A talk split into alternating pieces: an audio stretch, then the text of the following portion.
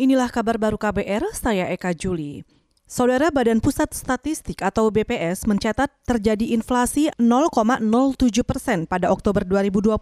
Dengan ini, inflasi tahun kalender Januari hingga Oktober mencapai 0,95 persen dan inflasi tahunan atau year on year sebesar 1,44 persen. Kepala BPS Suharyanto mengatakan kenaikan harga pangan menjadi penyumbang inflasi, di antaranya cabai merah, bawang merah, dan minyak goreng. Mengalami deflasi, yaitu pada bulan Juli, Agustus, dan September. Pada bulan Oktober ini kita mengalami inflasi meskipun tipis, yaitu sebesar 0,07 persen. Kepala Badan Pusat Statistik Suharyanto menambahkan, dari 90 kota, indeks harga konsumen yang disurvei sebagian besar mengalami inflasi, sedangkan 20-an kota mengalami deflasi. Penurunan tarif angkutan udara menjadi salah satu penyumbang deflasi. Kita ke soal Joko Chandra. Joko Chandra dijadwalkan menjalani sidang perdana kasus dugaan korupsi penghapusan red notice di Pengadilan Negeri Jakarta Pusat hari ini. Selain itu, ada tiga tersangka lain yang juga disidang, yakni dua jenderal polisi Napoleon Bonaparte dan Prasetyo Utomo, serta rekan Joko Chandra Tommy Sumardi. Agenda sidang perdana adalah pembacaan dakwaan. Dalam perkara ini, Joko Chandra dan Tommy diduga sebagai pemberi suap, sedangkan dua jenderal polisi Napoleon dan Prasetyo sebagai penerima suap.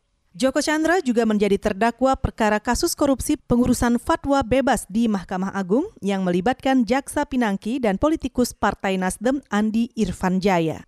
Kita ke soal pilkada. Badan Pengawas Pemilu atau Bawaslu Jawa Tengah mencatat 37 ribu alat peraga kampanye atau APK Pilkada 2020 yang melanggar aturan. Anggota Bawaslu Jawa Tengah, Rofi Yudin, Rofi Yudin mengatakan pelanggaran APK terjadi di lebih dari 20 kabupaten kota.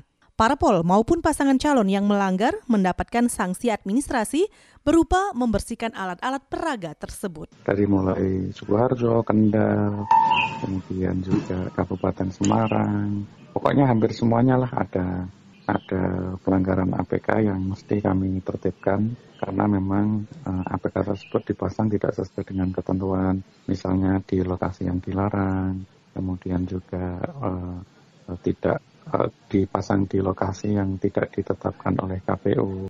Anggota Bawaslu Jawa Tengah, Rofiudin juga menegaskan APK atau alat peraga kampanye tidak boleh dipasang di tempat ibadah, rumah sakit, atau fasilitas kesehatan, gedung pemerintah, dan lembaga pendidikan.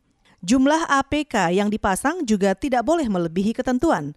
Penertiban alat peraga kampanye ini sudah digencarkan sejak masa kampanye dimulai pada 26 sejak masa kampanye dimulai pada 26 September lalu. Saudara, demikian kabar baru. Saya Eka Juli.